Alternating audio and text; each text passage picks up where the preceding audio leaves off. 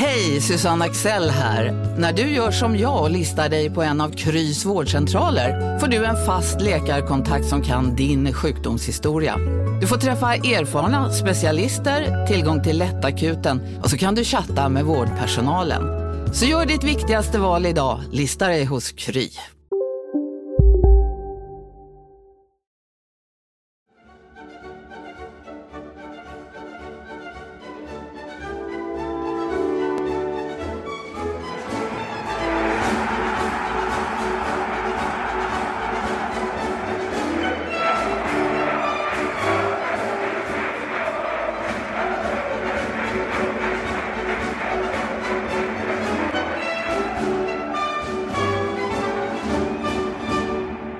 Två matcher in i den allsvenska comebacken. HIF har inte fått med sig någon poäng än så länge. Tredje matchen är på söndag borta mot Sirius. Erik Persson, Sebastian Rönnström, Mattias Hjelm. Vi ska försöka ta er tillbaka till den senaste matchen mot IFK Göteborg som alltså slutade 0-1 med HIFs siffror, siffra först.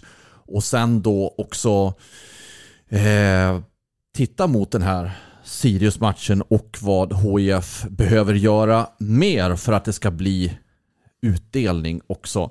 Men innan vi tar oss bakåt och framåt så stannar vi här och nu för, ja det är i och för sig lite bakåt också eftersom det har gått ett par timmar sedan du var på träningen Sebastian Rönnström. Men, men det är nog ganska mycket nu. Vi börjar med träningsnärvaro, det senaste. Ja, nej men jag eh, var ju på, på träningen här under eh, under onsdagen. Eh, två, två spelare som eh, saknades. Eh, Anthony van den Hurk och Taha Ali var inte på plats. Jag frågade Jörgen Lennartsson efteråt vad det berodde på och det berodde på att båda var sjuka. Men han sa också att båda förhoppningsvis är tillbaka i träning på fredag. Så det verkar ju inte vara någon, någon allvarligare grej med dem. Men det det var väl det man eh, reagerar på. Eh, några intressanta spaningar. Ja, de, de körde eh, Först eh, körde de en övning där, man, eh, där två mål stod emot varandra och ett lag skulle jaga och så spelade två lag skulle ja, göra mål. Eh, svårt kanske att eh, förklara så här. Men, eh, Två målspel? Tvåmålsspel fast inte mot varandra utan då att, att man spelar på varsin eh, halva av, av straffområdet eh, och skulle göra mål på, på, sin halva och så var det då det tredje laget eh, som skickade in tre spelare åt gången och, och jagade och skulle bryta bollen. sen efter det så gick man över till att köra en, en anfallsövning där det var sex spelare som anföll mot tre försvarare och eh, där var det eh, ja, bristfällig kvalitet på de anfallande spelarna kan man, eh, kan man säga. Det var inte mycket det var inte många mål de fick uträttat eh, på, på den övningen och det var stundtals irriterat bland de spelarna som då var de offensiva. Viktor Lundberg blir irriterad eh, bland annat och ställer sig frågan vad det var för jävla kvalitet eh, i, i eh, spelet. Och sen så när man då körde spel, tvålagsspel på en mindre yta så körde man de äldre mot de yngre där de äldre då vann. Och i slutet där så blev målvakten Kalle Joelsson som alltså tillhörde det yngre laget rejält irriterad och, och, och skrek och hade sig när, eh, när det gick eh, emot eh, för, för det yngre gardet. Så det var, det var gott tyg så sett på träningen. Det var mycket, mycket vilja och, och inställning. Vad får du för tankar Erik när du hör den här redogörelsen, återberättelsen? Att jag tycker det lät som att de körde engelska kvadraten. Nej, det är inte, inte den engelska kvadraten som jag... Eh, som jag alltså engelska kvadraten med mål? Lät Ja, med det... mål kan man, eh, kan man ju kalla det. Då är det att man ska, man ska ju liksom ha ett visst antal eh, passningar i, inom, inom laget innan man får gå på avslut. Engelska kvadraten är väl med att man ska lyfta över den på andra sidan istället. Jo, men det finns ju engelska kvadraten med mål också. Ja, det precis. Så det, det, ja, det är precis. Det är den, enligt den principen så att säga. Ja, det var min tanke.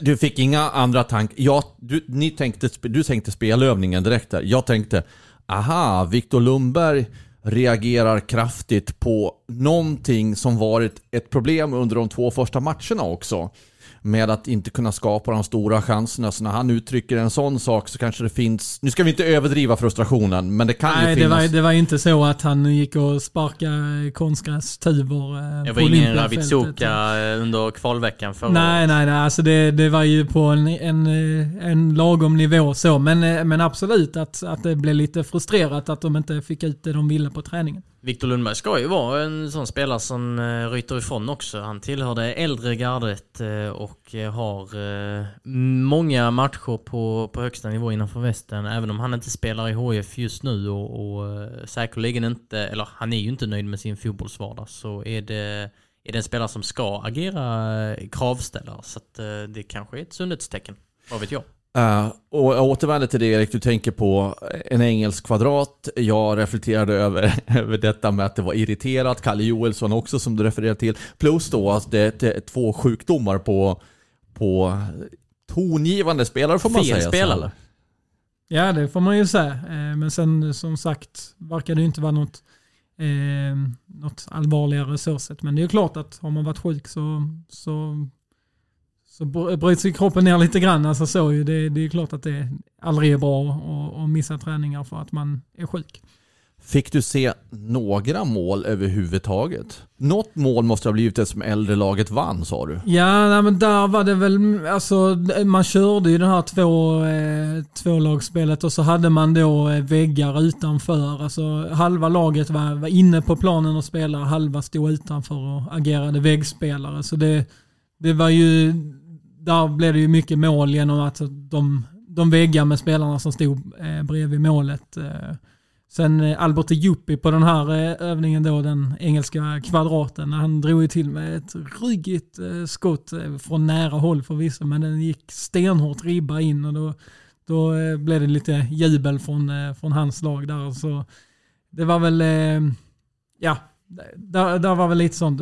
En, en annan eh, detalj eh, som inte är specifik för den här träningen utan för ganska många träningar jag har sett tycker jag ändå är, vi, vi har pratat om det här med karaktär och kravställare, att en spelare som Charlie Weber är faktiskt, eh, jag tycker man märker på träningarna att han tar ett allt större ansvar och, och syns och hörs mer. Han, han är inte rädd för att verkligen ryta ifrån när det, när det krävs. Eh, han kan också bli rejält arg eh, när, när det inte eh, när prestationen på, på träning är för låg. Det var bland annat någon gång under eh, dagens träning då som Anton Nilsson, junioren, som för övrigt då var med och tränade med laget, när han, när han inte gjorde ett ordentligt hemjobb till exempel, då, då röt Charlie Weber ifrån. Så, och det, det är någonting jag har sett flera träningar, att han tar allt större, hörs allt mer helt enkelt på träningarna.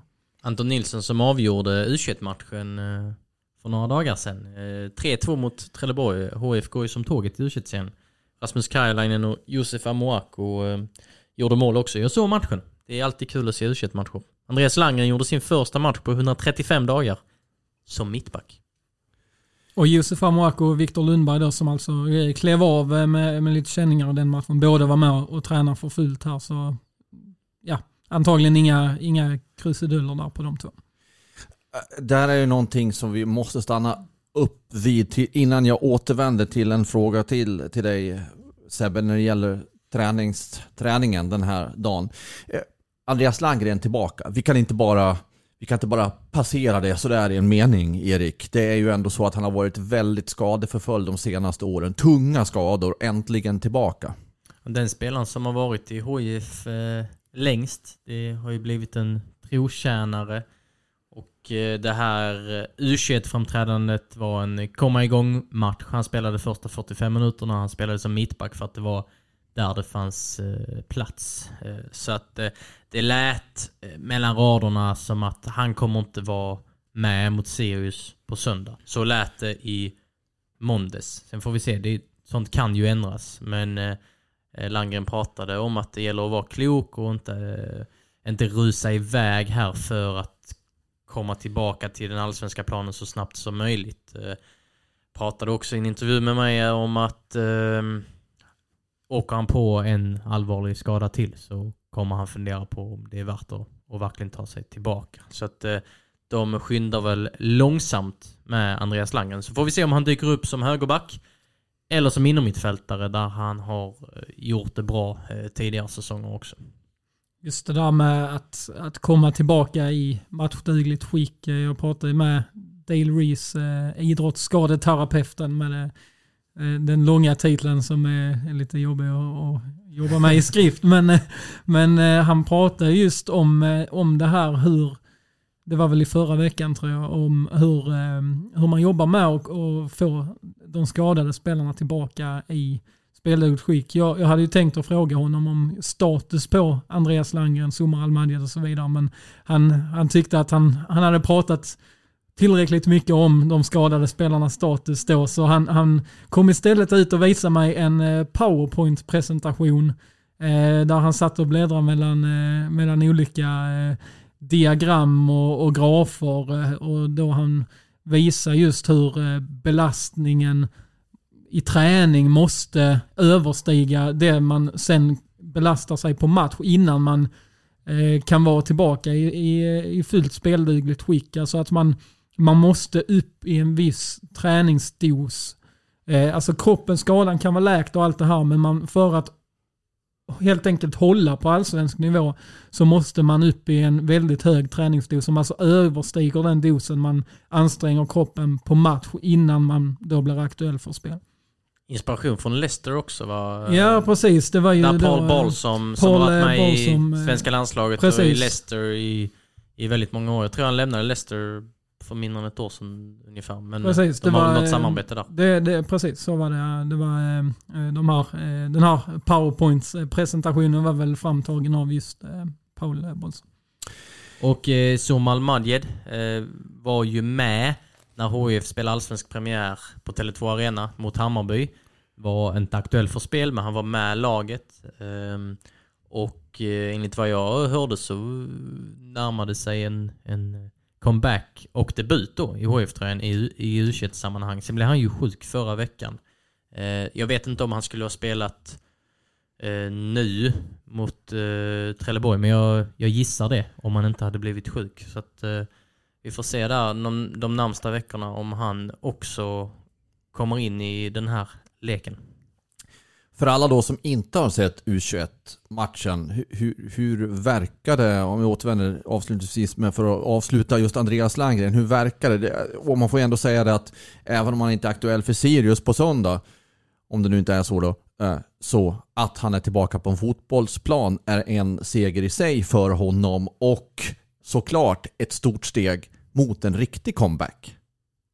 Ja, eh, precis. Eh, sen kanske det han kanske behöver en eh, 75 eller 90 minuter i U21 igen innan, innan han eh, kommer in på riktigt. Eh, men eh, det är klart att eh, det är en spelare som absolut eh, kan eh, behövas. Eh, han var ju väldigt viktig förra året och vi har pratat om eh, högerbacksproblematiken som vi ändå har benämnt den. Nu har Ravitsuka spelat där gjort, eh, gjort det helt okej okay i inledningen tycker jag. Men eh, över tid eh, skulle jag tro att det behövs något mer alternativ där och, och en, eh, ja, men, någon som verkligen utmanar Tsuka eh, om att ta platsen där och det kan ju definitivt Andreas Landgren göra. Och sen får vi se när Viktor Blixt är tillbaka så kanske det rent av kan bli en hård kamp om högerbacksplatsen. Eh, angående u matchen så tycker jag återigen att Asad Alamlawi var eh, ganska pigg. Eh, nu gjorde han faktiskt inte mål. Han har gjort fem mål i u serien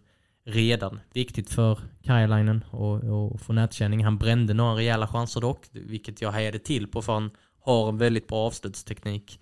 Och sen eh, Josef Amoako spelar bara 52 minuter för han gick ut skadad men han eh, hamnar ju i målprotokollet och i assistprotokollet. Så kan han börja producera poäng på u nivå och ta de chanserna på den nivån så så ehm, ja, det är precis det han behöver. Han behöver ta de chanserna. Han hoppar in mot Hammarby.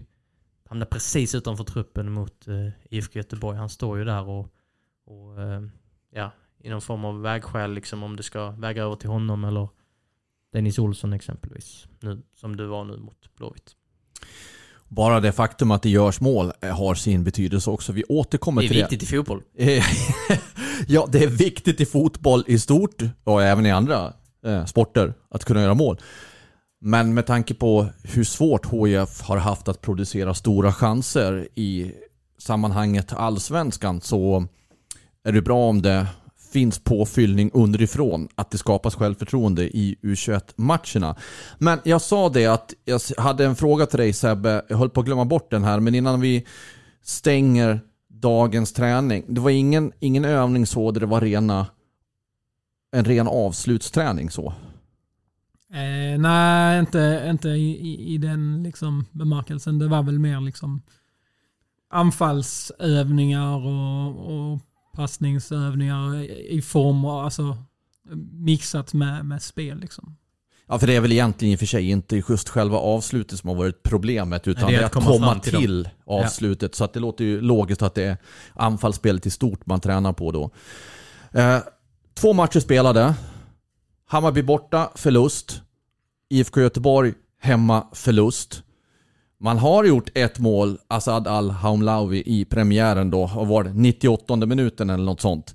Men i det stora hela så har ju anfallsspelet gått i stå så här långt. Va, va, vad ser ni för förklaringar? Okej, okay, säg inte bara det självklara. Ja, men det är nivå högre upp nu. Det är allsvenskan. Det är svårare att komma till, till stora chanser.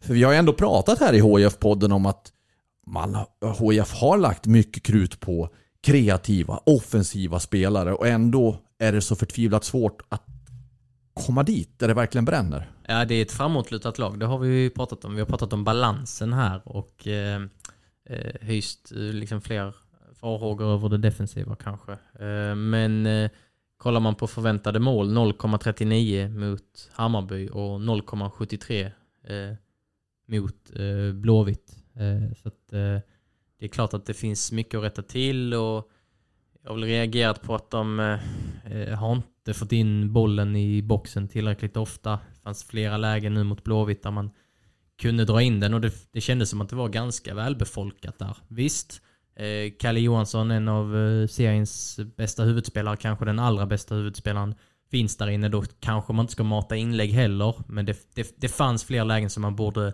nyttjat. Eh, man fick inte in Lukas Lingman återigen, eller återigen, det har varit två matcher. Ja, visst, vi ska han, ha det i åtanke att det är bara inledningen än så länge, men ja. signalerna måste bli lite annorlunda framöver. Ja, men Lukas Lingman kommer inte riktigt till sin rätt igen. Kanske att man skulle droppa ner honom eh, lite i uppspelsfasen i utgångspositionen för att få in honom mer i spelet. Att han kan pulsera det, för han har en bra fot eh, även i det längre spelet. Nu har han hittat, försökt hitta eh, ytan precis framför motståndarnas backlinje, alltså nummer 10-positionen. På pappret känns ju det väldigt eh, lockande att ha honom där. Men i och med att han inte har kommit igång så kanske han ska droppa lite mer, komma framför eh, motståndarnas mittfält, få mer boll, eh, kunna styra det därifrån. Eh, även eh, såklart hitta sin favorit, eh, favorityta utanför offensivt straffområde, men få med honom mer i spelet. Där tror jag är en av många nycklar för att få igång eh, det offensiva artilleriet för HF. Ta Ali, eh, han, han agerar ju bollkalle i slutet av matchen mot Blåvitt. Han, han sprang ju efter varje boll som rann ut eh, från sidlinjen och ville väldigt, väldigt mycket och kom ju ner i en nummer 8-position i slutet när HF skulle forcera. Han fick ju återigen inte ut det han kan och har enligt Y-scout eh, dribblat eh, mest eh, i serien men bara lyckats med 27% av sina dribblingar. Han kommer ju ligga där uppe eh, under säsongen eh, vad gäller eh, antalet dribblingar. Och jag tror att procentsatsen eh, vad gäller antalet lyckade dribblingar kommer höja sig också. För han har inte riktigt hittat, hittat sig själv på det sättet som man kanske kan tro att han kommer göra framöver tycker ändå han, han tog steg i rätt riktning mot eh, Göteborg. Det var ändå ofta han som såg till att skapa eh, de chanserna HF eh, väl, väl kom fram till. Lukas Lingman som du nämnde, intressant det här att han kanske ska komma lite längre ner i speluppbyggnaden. Han slog bland annat en fantastisk crossboll in i straffområdet till Anthony van den Hurk som han sen inte fick kontroll på.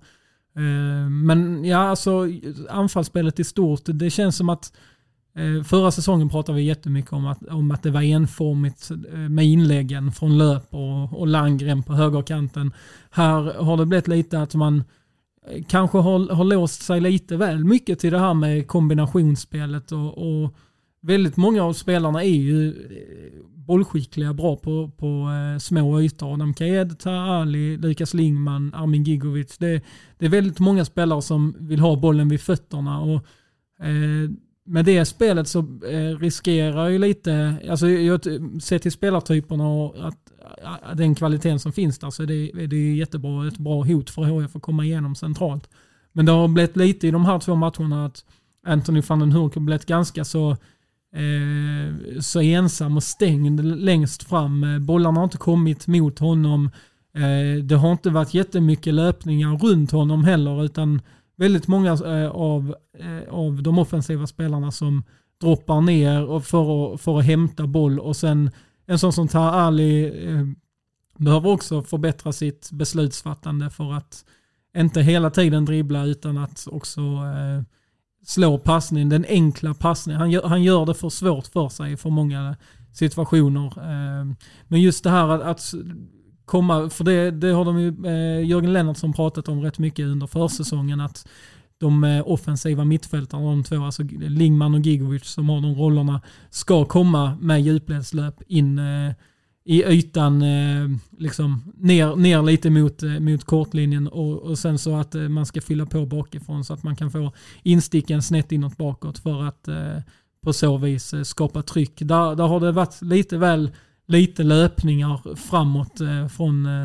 från de offensiva spelarna och det har gjort att van den Hurk har blivit ganska trängd som ensam längst fram. Ja, nu känns det ofta som att de här åttorna, alltså de offensiva mittfältarna, får boll felvänd. De, de vill gärna ha bollen på fötter.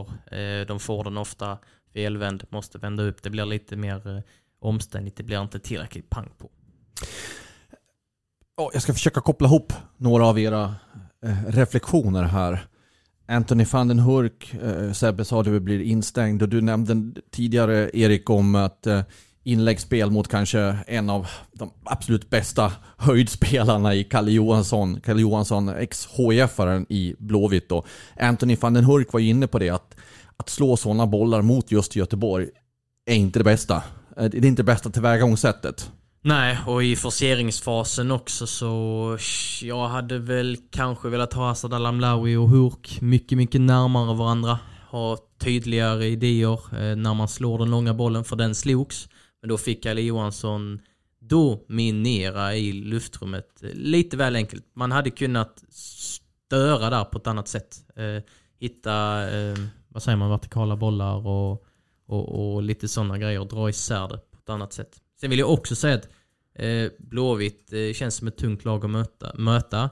Jag eh, berömde väl Gustav Svensson i förra avsnittet att han var Kanske den bästa spelaren i VM åttondelsfinalen 2018. Eh, Jag tyckte han eh, höll VM-form på Olympia. Jag tyckte han var grymt bra. Jag tycker Simon Tarn också var bra. Så det var ett, det var ett väldigt eh, kvalitativt och ganska dynamiskt mittfält som Blåvitt hittade i den här matchen. Vilket också gjorde det svårt för en sån som Lukas Lingman.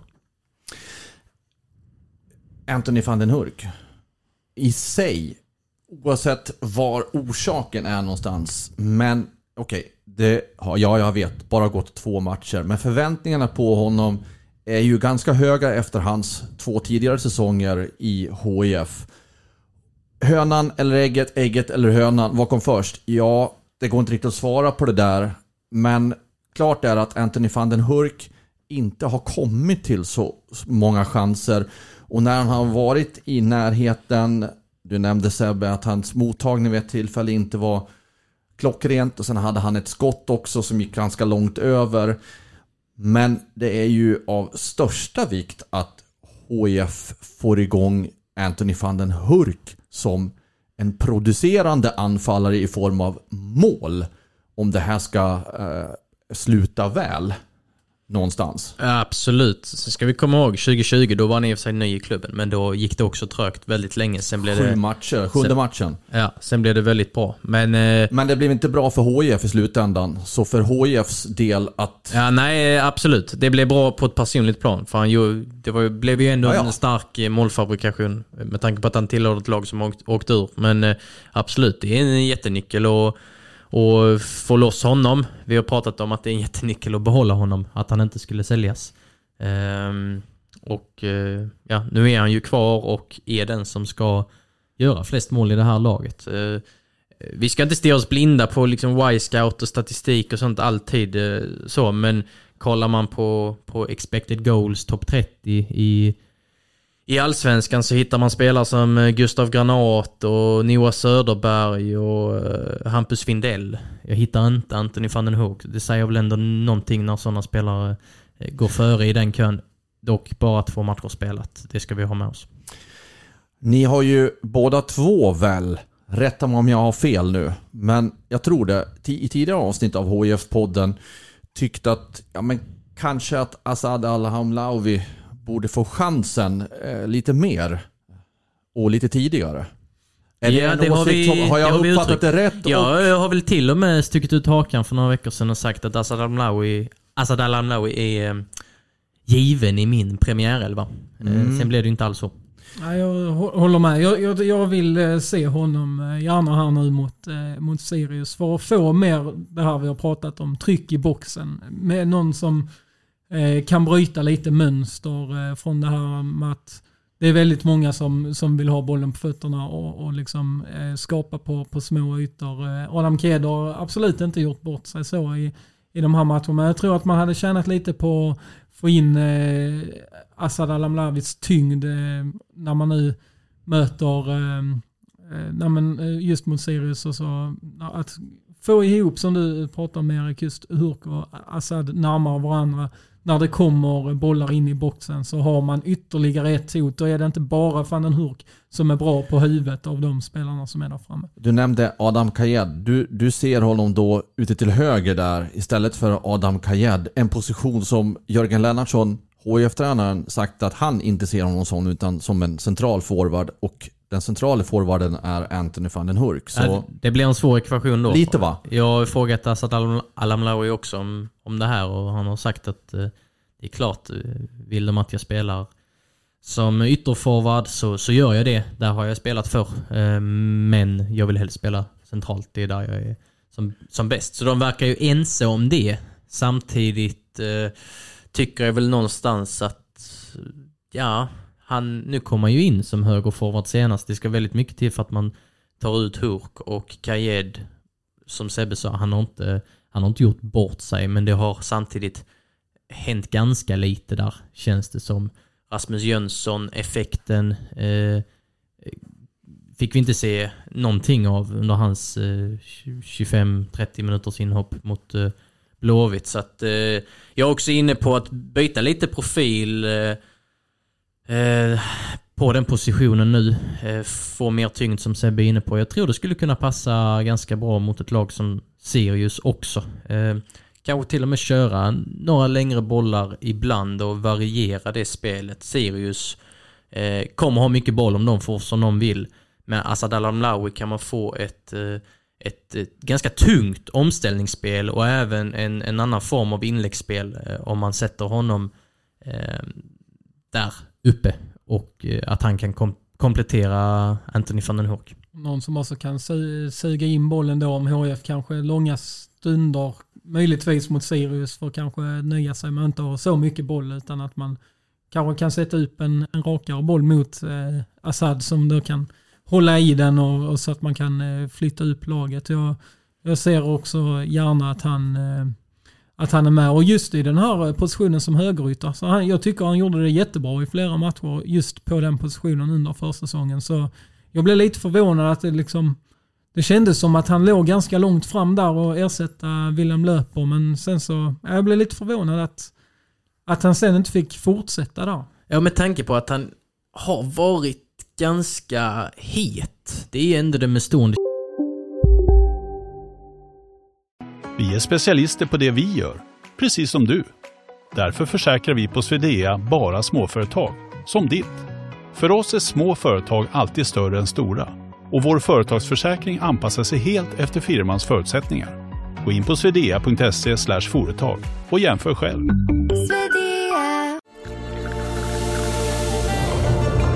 Välkommen till Maccafé på utvalda McDonalds restauranger med Baristakaffe till rimligt pris. Vad sägs om en latte eller cappuccino för bara 35 kronor? Alltid gjorda av våra utbildade baristor.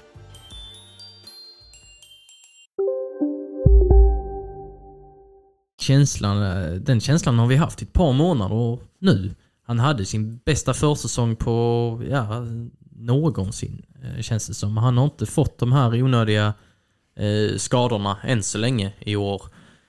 Det, det, finns ju en potential, det finns någonting att använda. Och då är det ju där man kan använda honom. Du kan inte använda honom någon annanstans för du kan inte peta van den Hoek, du kan inte peta Taha Ali. Taha Ali bör rimligtvis inte spela som, eh, som åtta, alltså på mittfältet allt för lång tid. Man kan göra det i forceringsfasen som nu mot Blåvitt men, men han bör ju utgå från, eh, från vänsterkanten där uppe som vänsterforward.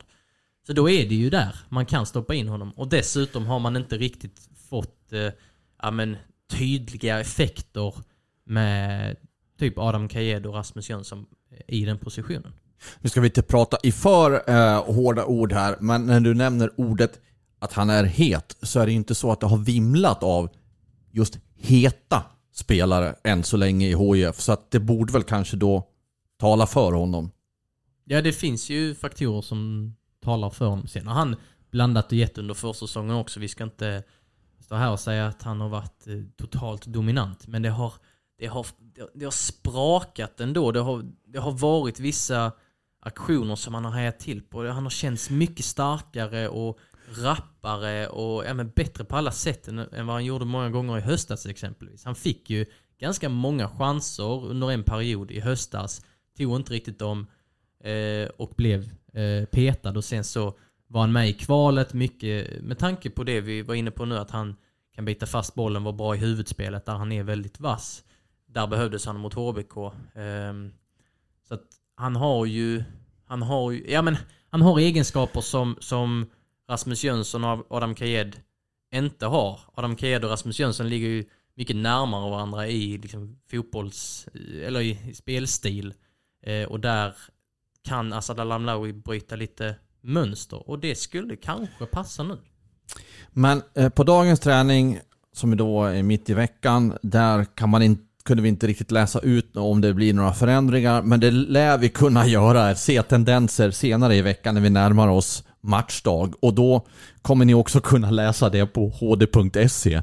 Så vi, vi går inte in mer på spekulationer där när vi inte har mer på fötterna här. Men ja, nu har vi pratat mycket anfall. Vi kan inte släppa Blåvitt-matchen riktigt tycker jag utan att också diskutera försvarsspelet. För just på Blåvitts mål av Marcus Berg, som var det enda målet, som blev det enda målet i matchen, så fanns det ju en del tveksamheter i försvarsagerandet.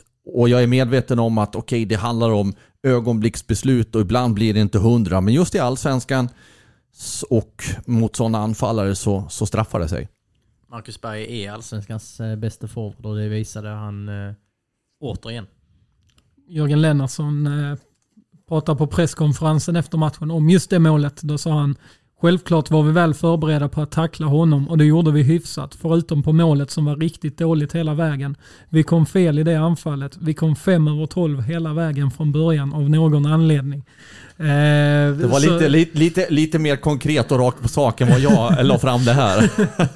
nej, men, eh, nej men det, absolut, det var väl ganska många saker som inte funkar i, i samband med det målet. Jag tycker Charlie Weberg stöter för högt eh, och släpper en yta bakom sig.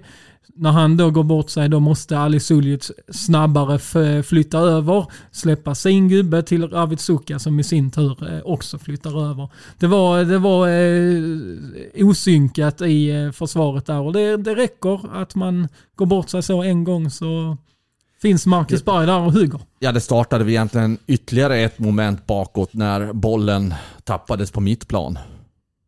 Ja, och sen eh, Eh, det är ju lätt att berömma Berg i den här situationen också. Samtidigt, jag vet jag vet inte om Kalle Olsson var lite liksom, på fel ben. Det kändes lite, lite så för att han fick aldrig chansen var, riktigt var på något halvt vis. steg fel. Jag, jag vet inte men det, det, känd, det kändes eh, lite så när jag såg det i alla fall. Som men, att han inte kunde ge sig själv chansen att faktiskt rädda den. Ja, men någonstans var det så typiskt att eh, Blåvitt går dit, vinner med 1-0 och det är såklart Marcus Berg som gör mål och, och eh, kanske enda gången HIF kommer liksom riktigt fel i försvarsspelet i alltså igen där och, och petar in bollen. Det, det, det säger ju allt om, om vilka utmaningar HIF har eh, i den här eh, serien mot en hel del eh, lag med, med den här typen av kvalitet. Ja, för, för i övrigt tyckte jag inte att försvarsinsatsen var, var jättedålig. Utan det kändes som att, alltså nu, nu blev det en matchbild där Göteborg, när de fick det målet, kände sig väldigt bekväma med att ligga och, och kontrollera matchen. Men, men jag tycker inte att, att det var någon eh, katastrofinsats eh, defensivt. Eh, om man bortser där från, från målet. Det var väl några fasta situationer återigen som det blev lite farligt på, men, men det var inte de, de redde liksom ut det ganska bra. Det var inte den, eh, givetvis är Hammarby ett betydligt mer offensivt och, och frejdigt lag än vad Göteborg är, men det var inte den eh, ja, eh, anstormningen, utan HIF eh, skötte väl sig defensivt eh, okej okay i, i matchen, bortsett från målet. Jag tycker också att om vi nu har sagt att Kalle Joelsson eventuellt hamnade på fel fot om det nu var så. Det får väl någon målvaktsspecialist analysera. Så ska vi nämna också att Kalle Joelsson hade ett antal bra, starka räddningar också på sitt pluskonto som höll eh, HIF kvar i matchen och gav dem möjlighet att faktiskt få med sig minst en poäng. Jag tycker det är viktigt att betona. Ja, absolut. Och det här med målet, det är inte att det ska riktas något fokus på Kalle Joelsson. Nej, absolut, exakt, exakt. Absolut inte. Det är bara en, det är ju snarare en, en, en, en detalj ja. att eh, om man har ett målvaktsöga som är bättre än, än mitt så hade man kanske kunnat eh, gå dit och, och peta och, och prata om, ja men, prata om eh, millimeter eh, hit eller dit Nej. och kunna återge det i den här podden som inte jag då förmår eh, nu. Men jag ville bara lyfta frågan eh, eller frågan, men eh, det kanske fanns någonting där att studera. Det, det, det, är lättare, tycker jag, att kritisera försvarsspelet i stort där än Kalles agerande. Ja, det var ingen kritik. Nej. Absolut inte. Nej, bra. Så fick vi det utrett också. Sirius. Uh, ni får hjälpa till här nu. Vad är det för lag? Vad, hur har de startat? De har ju tagit ett antal poäng här i, i inledningen. Är det något uh, HIF ska uh, oroa sig mycket för det laget? Och i så fall vad? Ja, men det finns eh, mycket i det laget. Eh, vi pratade om HIFs eh, försvarsspel, Charlie Weber och så. Eh, nu får du en konstig övergång här, men Charlie Weber han har flest... Det gillar jag. Konstiga flest, övergångar. flest passningar in i sista tredjedel av alla spelare i Allsvenskan faktiskt. Sen är det 19 spelare som har eh, högre procentsats vad gäller lyckade passningar in i sista tredjedelen. Men det säger ganska mycket om Charlie Webergs vänsterfot och hans offensiva spel, att han tar fram passningar och så. Det har vi sett i några månader nu att han gärna hittar Taha Ali när Taha Ali kommer in i de centrala korridorerna. Charlie Weberg hade trivts väldigt bra i Sirius. Nu trivs han eh, säkert väldigt bra i HF också. Jag stod och väntade på hur, hur ska han få till övergången. Det är en profil eh, som Sirius eh, gärna har i sitt eh, lag. Eh, Marcus Mathisen som en av mittbackarna i Sirius eh, har ju kanske en av de känsligaste fötterna av mittbackarna i serien och så vidare. Det är, det är ett offensivt, spelskickligt lag som gärna har eh, bollen, eh, hittar en del eh, rotationer i sitt spel, eh, hittar eh, ja, men intressanta ytor där XHF-an Mustafa Seidan är en spindel i, i nätet eh, som en kreatör på innermittfältet och Christian Kouakou som är är målgaranten och Filip Rogic som har kommit in som en spelskicklig spelare men också lite, lite duellstyrka och lite fysik för att få till en, en blandning så det inte bara är 11 lirare, 11 Xavi-typer som springer runt där utan att man får in lite lite tyngd och lite fys Vilket i och för sig kan och, funka i vissa sammanhang. Ja, det är ganska bra för Barcelona men nu ska vi inte prata om det.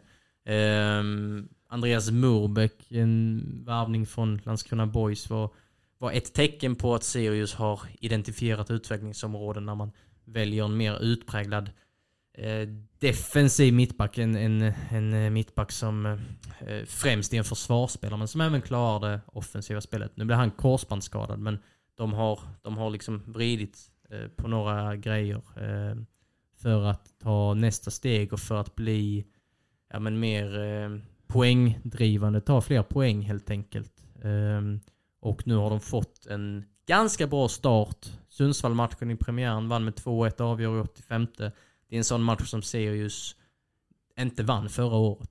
Och sen 0-0 borta mot Värnamo. Så Sirius startar alltså upp säsongen med matcher i de tre första omgångarna mot de tre nykomlingarna. Mm. Det här är en motståndare för HIF då, som HIF på förhand ska kunna plocka poäng i. Alltså, det, förstå mig rätt. Man kan plocka poäng i alla matcher, men ett lag som är eh, rankat någonstans på den nedre delen av tabellen, Sirius. Ja, absolut. K kanske så som jag ser det, det mest intressanta, eller som jag ser det, det mest intressanta laget på eh, den undre halvan av de lagen som man förväntar sig ska ligga där. Så att det är inte så att, alltså jag, jag, jag står inte här och tror att Sirius kommer ta en sensationell eh, tredjeplats och chocka hela fotbollssverige. Men jag tror de kommer spela oerhört underhållande fotboll eh, även i år. Det kommer vara ett roligt lag att titta på. Eh, åtminstone så som jag ser på fotboll. Men att man kanske landar runt tionde plats till slut. Och när jag är inne på det med att HIF, det är ett lag som HIF ska kunna plocka poäng på så menar jag också att det här är ett lag som HIF behöver plocka poäng mot. Eh, att inte, ja, dels för, för styrkeförhållanden mellan lagen men också sett till HIFs start att börja med tre raka förluster då börjar det någonstans brännas lite grann att oj, oj, oj, nu måste vi snart börja plocka poäng om det här inte ska rinna iväg för oss. Vi minns ju hur det var senast, senaste året i Allsvenskan när man hade en blytung start och den hämtade man aldrig sig riktigt från. Nej, precis. Även om jag har eh, höga eh, tankar om IK Sirius och gillar det de håller på med så finns det ju fog för eh, supportrar att Eh, kritisera lite om man skulle eh, gå förlorande ur en sån här strid. Det är lättare att acceptera en förlust på Tele2 i premiären och kanske det också funkar att förlora mot Blåvitt med exempelvis Marcus Berg och Gustav Svensson. Eh, det är en helt annan sak att förlora mot Sirius när man dessutom har två raka förluster tidigare och därmed skulle stå på noll poäng. Så det är ju det är en jätteviktig match för HIF och, och man möter, som du är inne på, ett lag som man rimligtvis bör ta poäng av och det kan bli väldigt viktigt i slutändan att ta poäng mot just de lagen.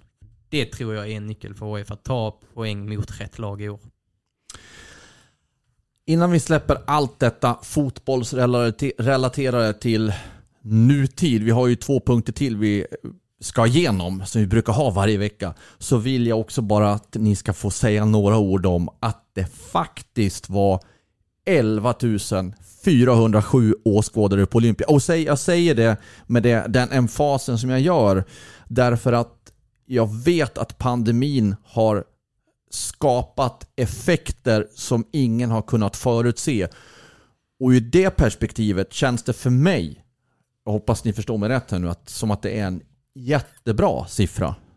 Ja, eh, ja eh, jätte Jättebra vet jag inte, men bra absolut. Eh, jag överdrev. Da, da, eh, alltså. Nej, eh, alltså inte så. Men, men alltså förra säsongen, ja det var ju speciella förutsättningar. Alltså, även om det i slutet mot året där fick komma in obegränsat med publik så var det ju ändå mitt i en pandemi så det ska man väl ha respekt för. Men de publiksiffrorna där imponerar ju inte och det, det skrev vi ju till och med om att det var väl HFs sämsta publiksiffra i seriesammanhang på 29 år mot, i hemmamatchen mot, eh, mot Gais och så här. Eh, så, eller Brage var det väl. Men eh, så att eh, de ändå, nu var ju ett antal eh, tusen här göteborgare också, men, men absolut en, en bra publiksiffra och, och bra eh, stämning. Det, det var kul att gå, gå på den sortens fotboll igen. Jag, det gör så, så mycket med den här stämningen och inramningen att, eh,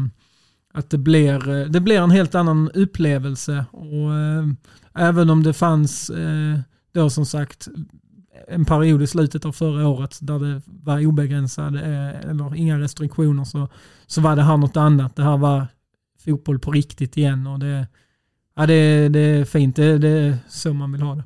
Jag var ju tokpetad. Jag fick inte plats i årets eh, laguppställning. Jag fick ju nöja mig med speltid i u matchen dagen, e- dagen efter.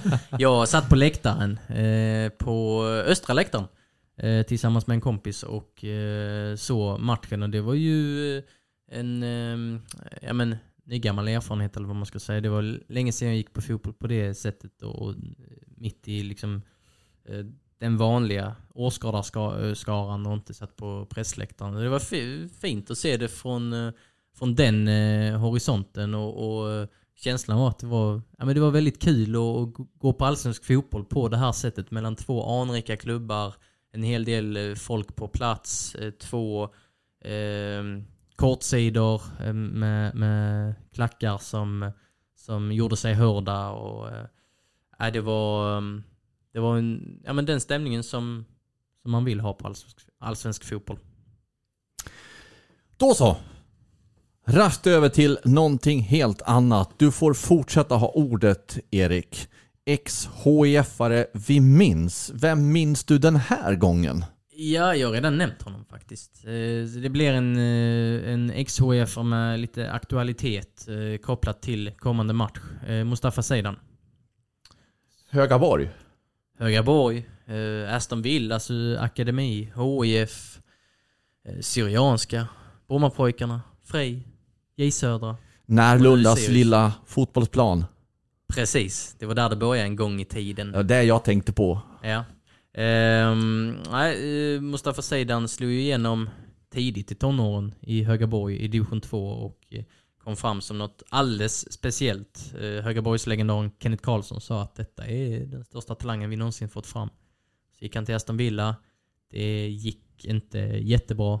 Kom hem till Helsingborg, skrev på för HIF och skulle eh, ja, men, briljera. Han skulle flyga i Allsvenskan.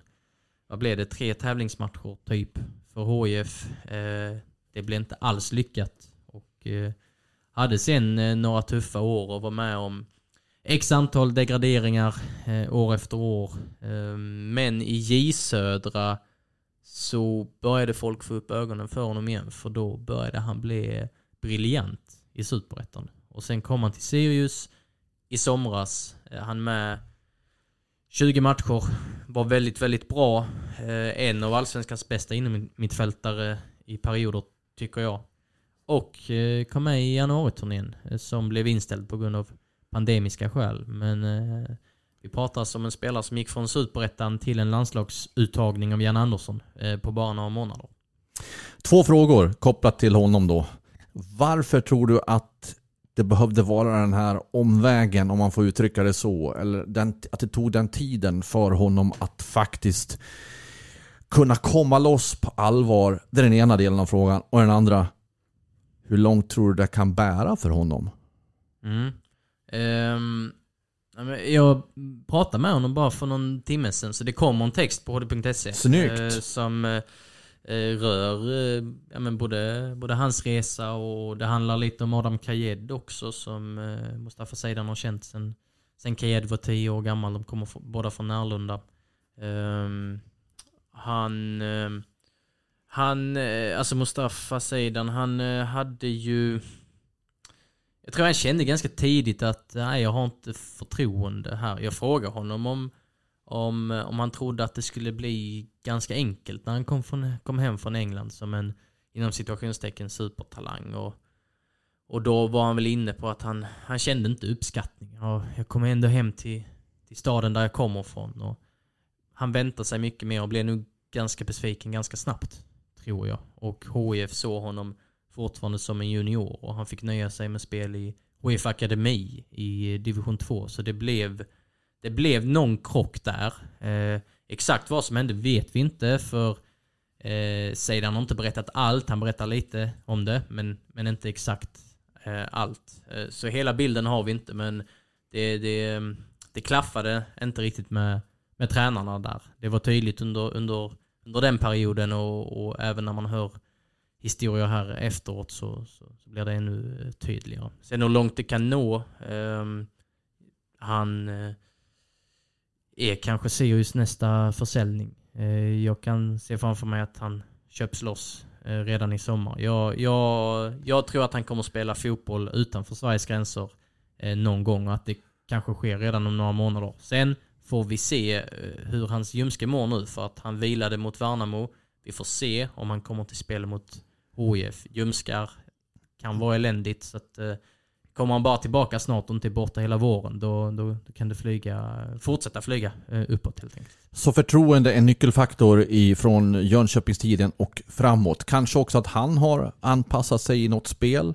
Ja, och han har ju mognat och jag tror han har eh, Eh, hittat en, eh, ja, men en annan sorts eh, drivkraft. Det gick väldigt enkelt för honom i Högaborg och, och sen var han med om, om åren i Aston Villa som inte var de lättaste och sen blev det, blev det en motgång i, i HIF. Jag tror han har, ja men han har ju blivit en, en vuxen man. Han var, han var fortfarande ett barn när han kom tillbaka till uh, HIF. Um, ehm, så att um, han pratar också om, om att uh, han, han har en inre drivkraft eh, efter att ha blivit åsidosatt eh, x antal gånger eh, genom åren.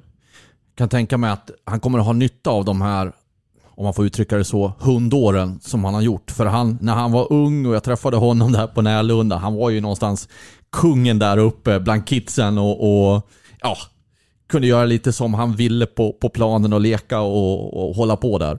Ja men precis. Och nu kan han ju visa upp för de här kidsen som ser upp till honom så mycket att det krävs hårt jobb också. Det är inte bara att Eh, jag har en fallenhet för att spela fotboll utan jag, jag har kämpat för detta också. Det har han verkligen fått, fått lära sig. Det ser man på honom också. Han ser, han ser ut som en fotbollsspelare nu på ett annat sätt än vad han gjorde för fem år sedan kanske. Så att, eh, en, en, en, fin del av, av liksom hans resa att det inte bara har gått på rälset, att han får kämpa lite också. Jag tror det är många, många kids från Närlunda och även andra kids som kan eh, eh ta det till sig. En skön människa med mycket glimten i ögat också. Är ja, min bild av honom. Verkligen.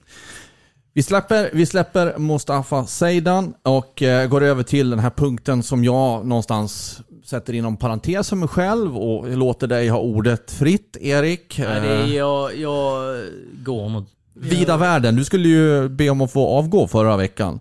Ja, jag har ju lämnat in min Det var någonting med Skulason va? Jo, jag vet. Vår eh, chef Daniel Roth har inte eh, mottagit den avskedsansökan. Du får en chans till, sa den gode Roth.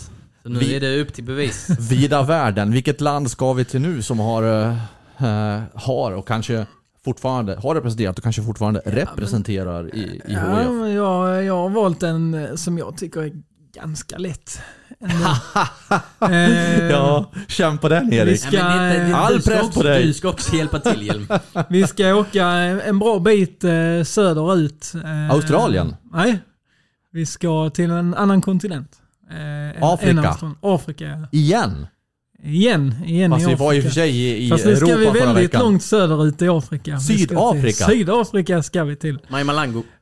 Där, där Surprise du, Ralani. Där har ni två. Det är fyra stycken totalt. Så ni får... Eh, det är Nando Mengomeni. Alldeles korrekt. Jag kan inte den fjärde. Jag säger det rakt ut. Jag kan inte den fjärde. Um, mm, mm. Känns ju väldigt svårt. Är det inte väldigt Mike svårt? Mike Serumanga kommer inte från Nej. Sydafrika. Jag har sagt Maimalango, eh, Bradley Surprise Ralani och Tan, eh, Tando Ngomeni. Eh, där är en till eh, som... Vad har han för initialer? Finlighet. Förnamnet börjar på T och efternamnet på M. Tando Mengomeni. Exakt. Nej, det finns inte två av honom i HF-historien. Och det är inte något med Thomas heller. Tashreeq Matthews. Tashreeq Matthews. Eh, som numera spelar i Varberg och gjorde stor succé i Allsvenskan förra året. Eh, det var ju en, en lite märklig varvning när han kom till HF. Eh, han blev ju inlånad från Dortmund eh, av Henrik Larsson. Eh, när HF redan hade väldigt många spelare i truppen och sen så har jag för mig att Henrik Larsson någon intervju eh, här på HD pratade om att om just den stora truppen, att det orsakar problem på träningar, att till och med spelare fick eh, sitta vid sidan av när det var elvamannaspel på, på träning. Eh, men ändå så kom det in väldigt många spelare eh, den sommaren. Eh, Matthews eh, kvick och teknisk, eh, ganska eh, tunn i kroppen, eh, gjorde ju inget avtryck i HIF, men eh, gick sen vidare till Varberg där han förra säsongen verkligen lyfte och fick ett genombrott i, i allsvenskan. Eh, så, Han har varit bänkad nu de två inledande Ja, det har inte varit den, Han eh, har gjort pangstarten. inhopp eh, på En- typ en halvtimme någonting. Inte Fått varit- gult kort i båda matcherna. inte varit den pangstarten eh, den här säsongen. Men, eh, men eh, han har ju visat att det finns mycket fotboll i honom. Han är ju en oerhört eh, snabb eh, spelare. Eh, Är han verkligen oerhört Nej, snabb? kanske inte oerhört snabb, men han, han, är, ju, han är ju Nu kvick. pratar vi ändå i HF-podden och då är David Ackham måste. Ja, det, det är ju Han- inte David Ackham-nivå. Han är snabbare än långsam. Han är snabbare än långsam. Eh, så, så mycket kan man ju säga. Men, eh, men eh, ah, där är väl en av de här fyra som, som sticker ut rejält och det är ju såklart Maj Malango som, som hade ju fantastiska år i HF. Var, var den bästa spelaren i, i hela allsvenskan i mitt tycke. Sen, det är ju en fascinerande karriär av men du, du står och vrider dig här igen. Vad, vad är det du vill säga? Gör det lite för det. Alltså, surrades det, surrades det inte om honom precis nyligen? Jo, eh, det gjorde det. Absolut. Visst gjorde det det va? Klubblös. eh, Han har ju varit... Han har gått en ganska märklig resa. Eh, Rumänien bland annat och. Eh, Ja men... Kazakstan och Bulgarien har de ja, också. det har inte... Det har inte gått Ja, jättebra. det var det, de det var det du senaste syftade på. Du syftade inte på IFK Göteborg alltså. I det märkliga. Med mig Malongos Ja, fotbollsresa. nej, det var också märkligt på sitt sätt och det gick inte jättebra heller. Ja, det är fascinerande för det var ju en oerhörd eh, kvalitativ eh, spelare på allsvensk nivå och eh, fundamental för guldlaget 2011 och att, att den karriären gick i den riktningen. Han blev ju skadad där, eh, var väl 2012 eh, när HIF ledde allsvenskan efter halva säsongen och sen lämnade Bedoya eh, och så blev Malango skadad och sen därefter så ja, sen dess så har ju inte HIF varit i toppen av allsvenskan igen. Så det, det blev ju ett hårt slag där och sen så kom han aldrig. Han gick till Göteborg och gjorde väl till och med mål på Olympia mot HIF och så här. Men det, det blev aldrig så mycket mer av Maj Malango vilket kändes lite snopet med tanke på hur, hur, bra han var i HIF. Mm. Erik har, har lutat sig tillbaka i stolen här och intagit en position som signalerar jag är nöjd. Nöjd och nöjd, men eh, jag ska skriva ut eh, några texter. du, vill, du vill lämna poddstudion. Det låter så negativt, men eh, jag tycker eh, jag är tillfreds med den här timmen eller vad vi nu har snackat. Så, Ja, nära på. Något mer du vill tillägga angående Sydafrika?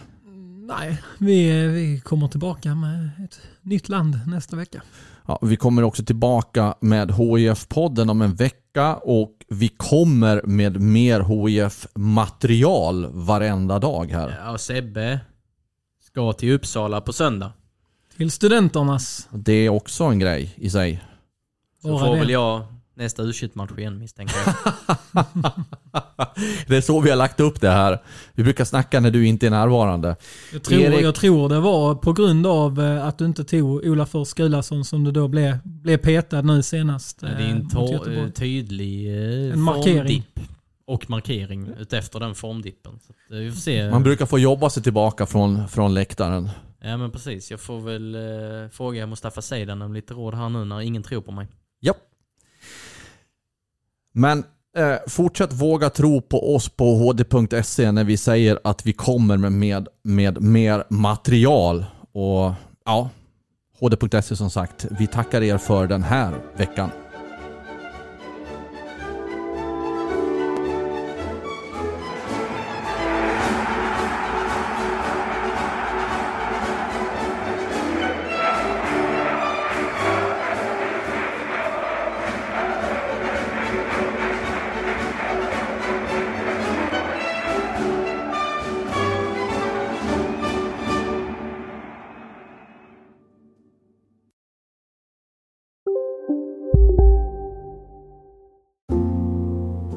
Ska några små tassar flytta in hos dig?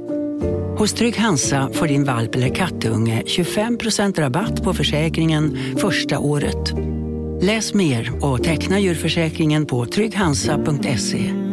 Trygg Hansa, trygghet för livet. Redo för sportlovets bästa deal? Ta med familjen och njut av en Big Mac, McFeast eller Cooper Cheese och Company plus en valfri Happy Meal för bara 100 kronor. Happy Sportlovs deal, bara på McDonalds.